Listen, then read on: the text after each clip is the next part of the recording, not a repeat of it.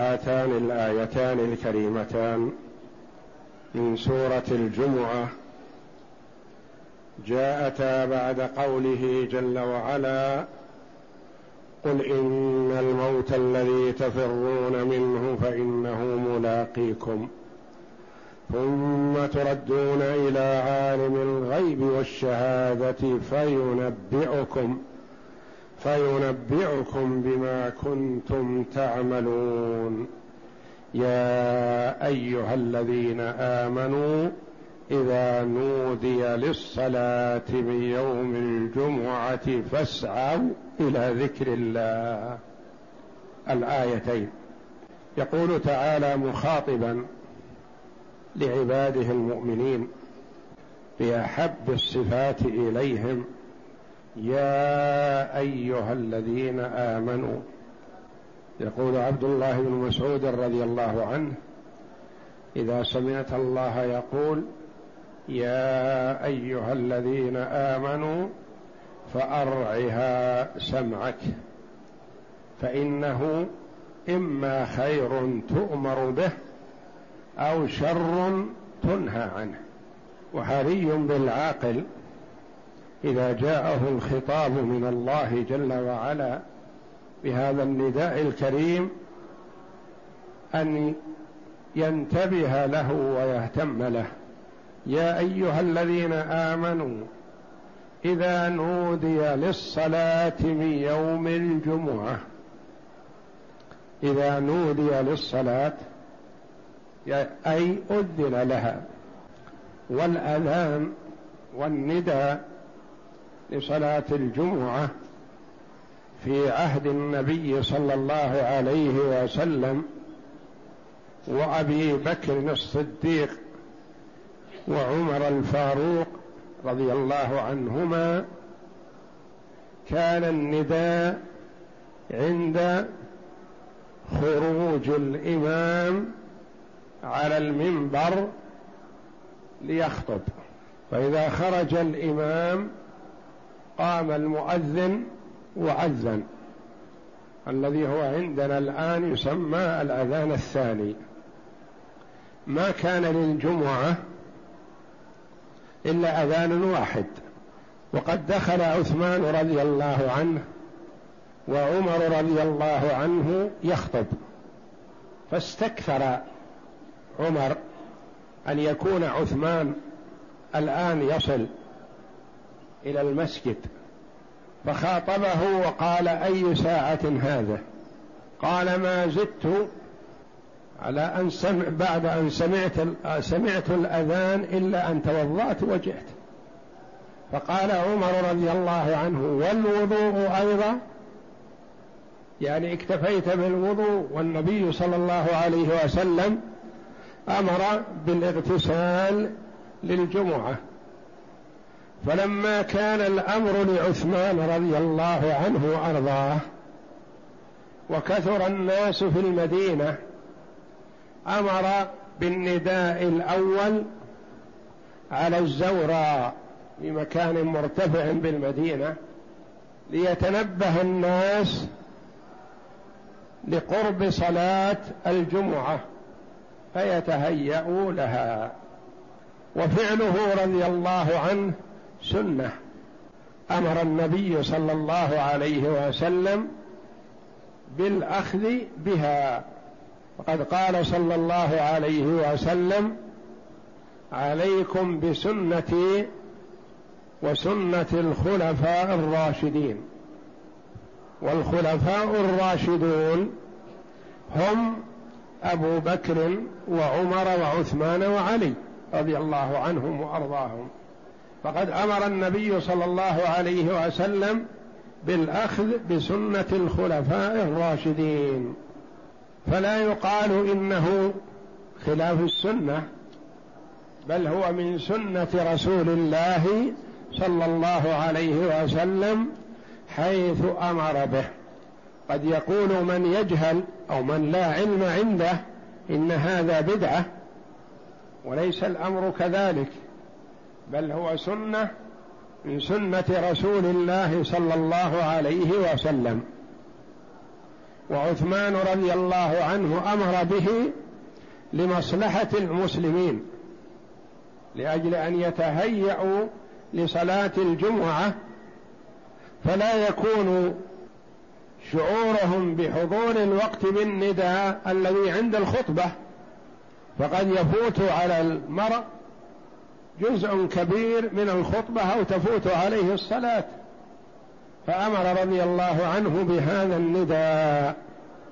إذا نودي للصلاة من يوم الجمعة والمراد صلاة الجمعة. وأول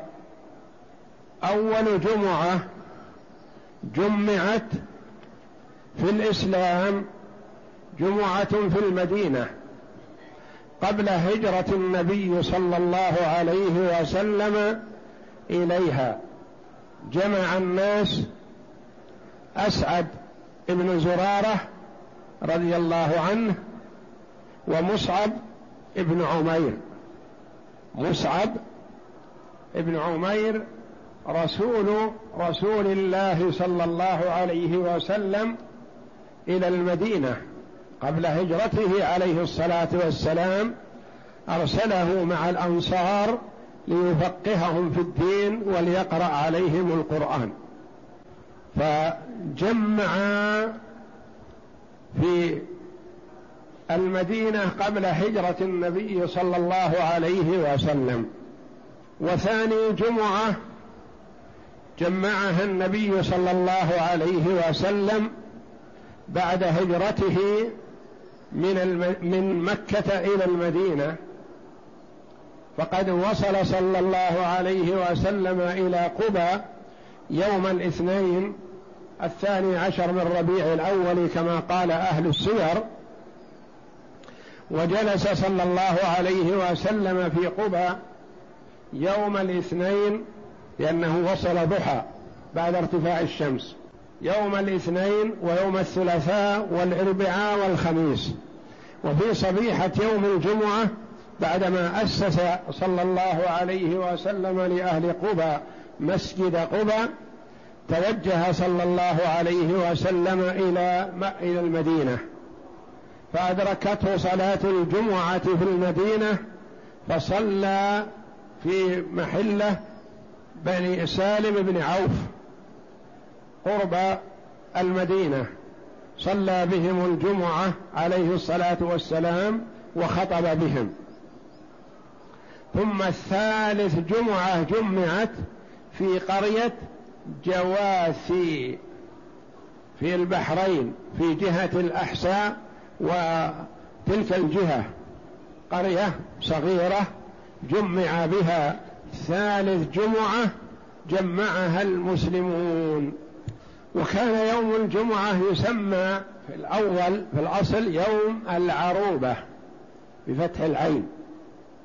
يوم العروبة. واختلف في من سماها بيوم الجمعة. فقيل هو كعب بن لوي من أجداد النبي لوي بن كعب من أجداد النبي صلى الله عليه وسلم. حيث اجتمع الناس عليه وعلى ولايته فسمي ذلك اليوم يوم الجمعة. وقيل سماها الجمعة الأنصار رضي الله عنهم. و وذلك أن حولهم اليهود ويعرفون من حال النصارى. فقالوا لليهود يوم يجتمعون فيه وهو يوم السبت. وللنصارى يوم يجتمعون فيه في الأسبوع وهو يوم الأحد. فلما لا نجعل لنا يوما نجتمع فيه نذكر الله تعالى ونتذاكر ونصلي. فقالوا يوم السبت لليهود لا لا نريده ويوم الأحد للنصارى لا نريده وإنما نتخذ يوم العروبة. فاتفقوا على أن يتخذوه فسموه يوم الجمعة. فنزل القرآن بتسميته بهذا الاسم. يا أيها الذين آمنوا إذا نودي للصلاة من يوم الجمعة فاسعوا إلى ذكر الله. السعي يطلق غالبا على المشي بسرعة وجد وقد يراد به المشي مطلقا. والمراد به هنا المشي العادي دون السعي الشديد لأنه ورد النهي عن السعي الشديد للصلاة أيا كانت الجمعة أو غيرها. و وقد ي... ف... وأتى في القرآن السعي بمعنى التوجه والسير. من أراد الآخرة وسعى لها سعيها وهو مؤمن. يعني توجه إليها بالعمل الذي ينفع فيها وهو العمل الصالح. فهنا في قوله تعالى فاسعوا ليس المراد الركض والسعي الحثيث وإنما هو الاهتمام بهذا والتوجه إلى الجمعة. فاسعوا إلى ذكر الله وذروا البيع. واسعوا فاسعوا إلى ذكر الله في قراءة فامضوا. فامضوا إلى ذكر الله وهذه القراءة تفسر المراد بالسعي في قوله فاسعوا أنه ليس السعي الشديد. فاسعوا إلى ذكر الله وذروا البيع أي اتركوا البيع. والشراء؟ نعم. وإذا ترك البيع ترك الشراء. إذا ورد الأمر بترك البيع فمعناه أمر بترك الشراء كذلك.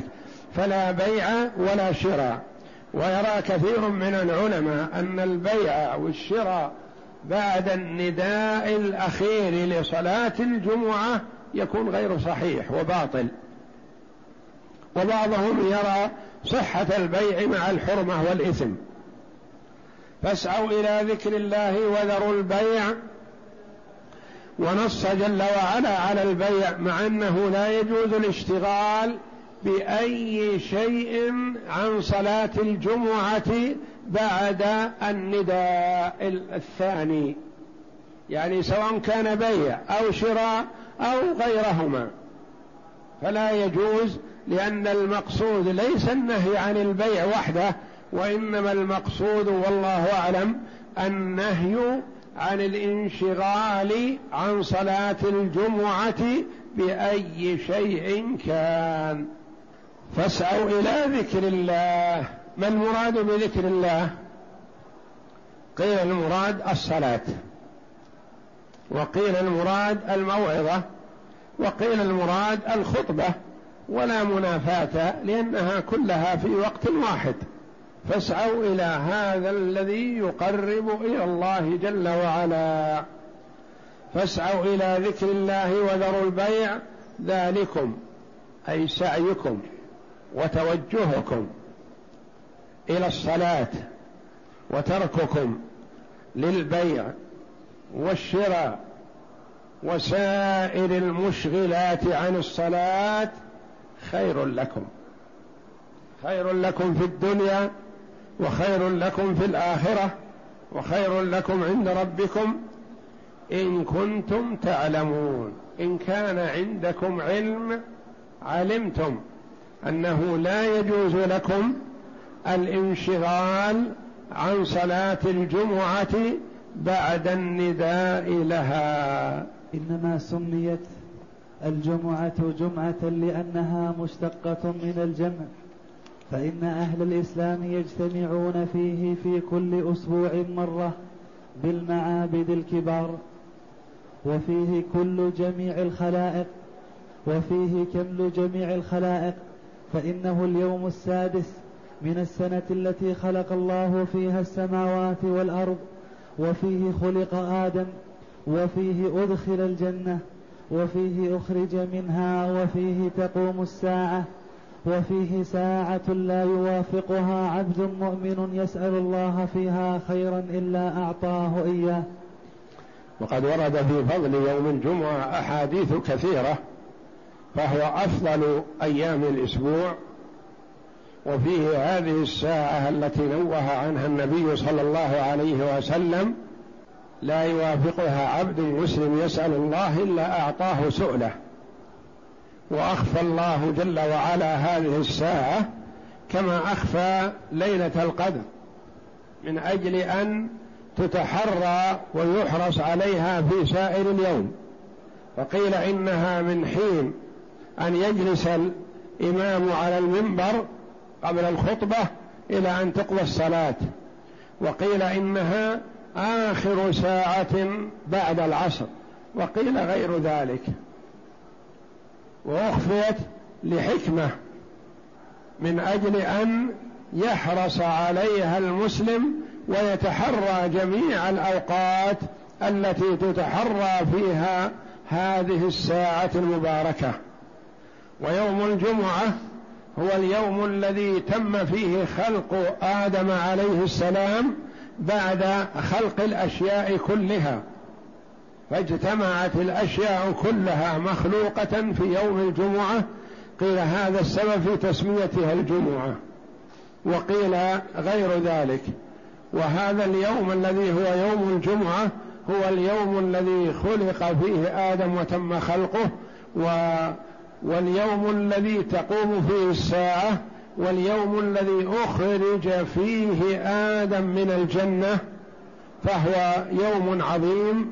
تتحرى فيه الإجابة وحث النبي صلى الله عليه وسلم على التبكير لصلاة الجمعة فقال عليه الصلاة والسلام من جاء في الساعة الأولى فكأنما قرب بدنه ومن جاء في الساعة الثانية فكأنما قرب بقرة ومن جاء في الساعة الثالثة فكأنما قرب كبشا أقرا ومن جاء في الساعة الرابعة فكأنما قرب دجاجة ومن جاء في الساعة الخامسة فكأنما قرب بيضة. فإذا دخل الإمام طوت ملائكة الصحف وجلسوا يستمعون الذكر. فالفضيلة في التقدم في صلاة الجمعة وانظر إلى الفرق بين تقديم بدنه أو تقديم وتقريب بيضة. وكلما قد تقدم المرء إلى صلاة الجمعة فذلك خير له. وليحذر مما يبطل صلاة الجمعة يبطل ثوابها. وإن صحت ظاهرا فلا يؤمر بقضائها لكن يحرم من ثوابها. من قال لصاحبه صح فقد لغى وقد ورد في الحديث من لغى فلا جمعة له وإذا آذى نقص ثوابه بأن تخطى الرقاب أو فرق بين اثنين أو ضايق اثنين أو نحو ذلك من المضايقات التي يفعلها كثير من الناس غير مبال بهذا. فليحذر المسلم مما يبطل ويحرمه من فضل وثواب صلاة الجمعة. وقد أمر الله المؤمنين بالاجتماع لعبادته يوم الجمعة فقال تعالى يا أيها الذين آمنوا إذا نودي للصلاة من يوم الجمعة فاسعوا إلى ذكر الله. أي اقصدوا واعمدوا واهتموا في سيركم إليها. وليس المراد بالسعي ها هنا المشي السريع وإنما هو الاهتمام بها كقوله تعالى ومن أراد الآخرة وسعى لها سعيها وهو مؤمن وكان عمر بن الخطاب وابن مسعود رضي الله عنهما يقرآنها فامضوا إلى ذكر الله فأما المشي السريع إلى الصلاة فقد نهي عنه لما أخرجاه في الصحيحين عن أبي هريرة عن النبي صلى الله عليه وسلم قال إذا سمعتم الإقامة فامشوا إلى الصلاة وعليكم السكينة والوقار ولا تسرعوا. عليكم السكينة والوقار يعني لا تركضوا خلافا لما يفعله بعض الناس إذا سمع الإقامة جاء يركض هذا خلاف السنة وإنما يمشي عليه السكينة والوقار لأنه من خروجه من بيته وتوجهه إلى الصلاة فكأنه في صلاة. وما أدركتم فصلوا وما فاتكم فأتموا. وفي رواية فقدوا نعم. إذا سمعتم الإقامة فامشوا إلى الصلاة وعليكم السكينة والوقار ولا تسرعوا. فما أدركتم فصلوا وما فاتكم فأتموا.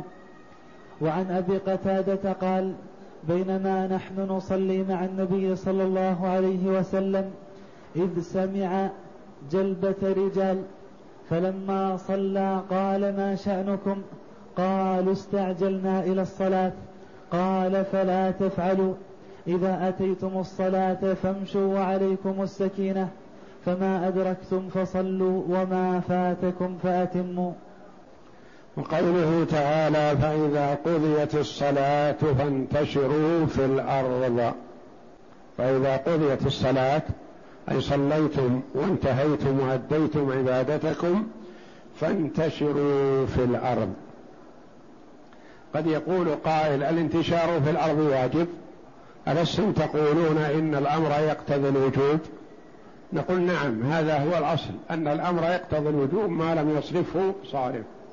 ومن الصوارف أن يكون الشيء منهي عنه ثم يؤمر به فيكون هذا الأمر لا للوجوب وإنما هو لرفع النهي لرفع الحظر الذي حصل بالنهي. إذا فاسعوا إلى ذكر الله فاسعوا إلى فإذا قضيت الصلاة فانتشروا في الأرض الانتشار هذا للإباحة. يعني لو جلس المرء في المسجد وما خرج ما يقال له خالفت الأمر. فانتشروا في الأرض وابتغوا من فضل الله. قيل المراد ابتغوا من فضل الله التجارة يعني البيع والشراء. وقيل الابتغاء من فضل الله يعني تقربوا إلى الله جل وعلا بالعبادة. باتباع الجنازة بالذكر بزيارة مريض أو زيارة قريب أو نحو ذلك من القرب لأنه لا يحتاج أن يؤمر الناس بما بالكسب بالدنيا لأن الناس يسارعون إلى هذا بدون أمر.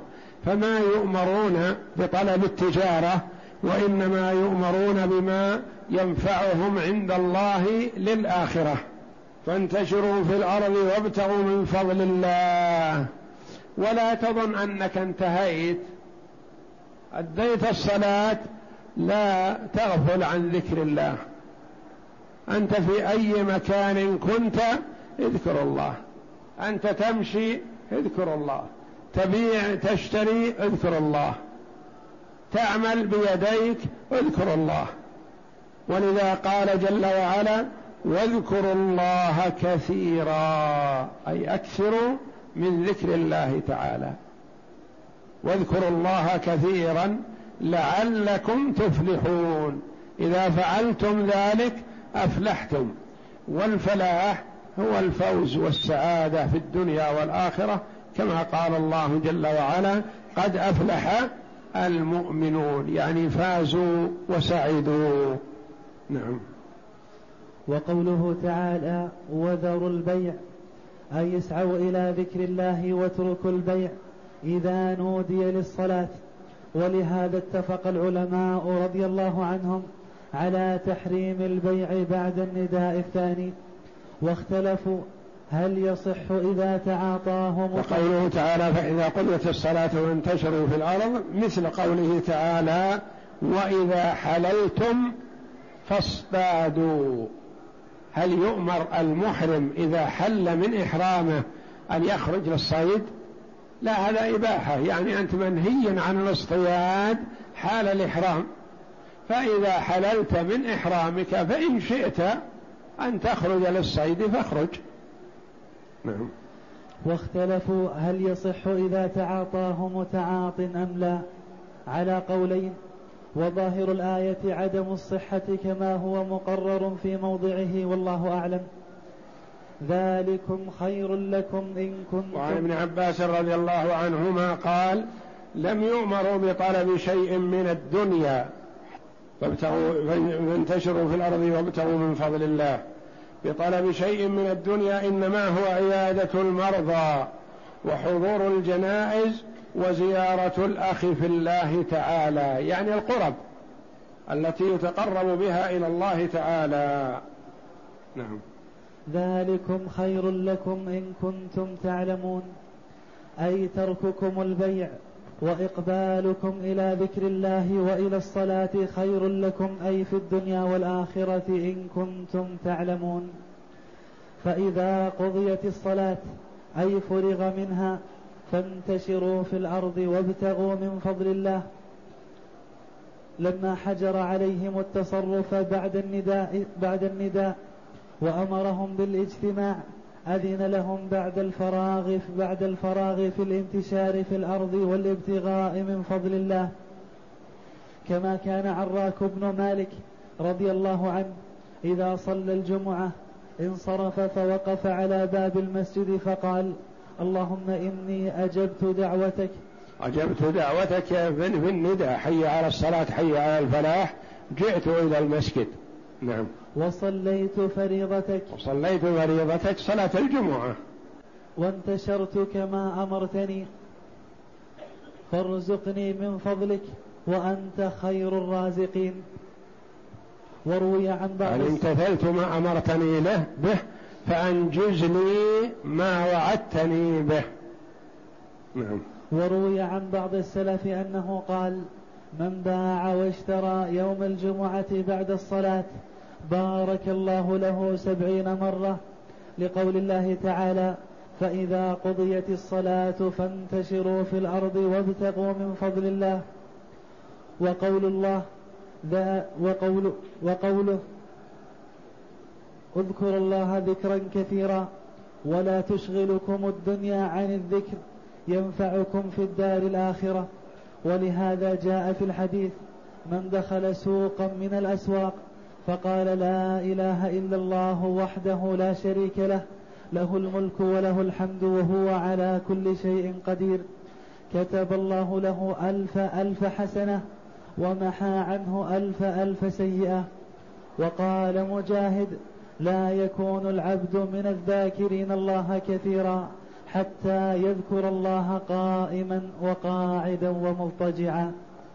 والله أعلم وصلى الله وسلم وبارك على عبده ورسوله نبينا محمد وعلى آله وصحبه أجمعين.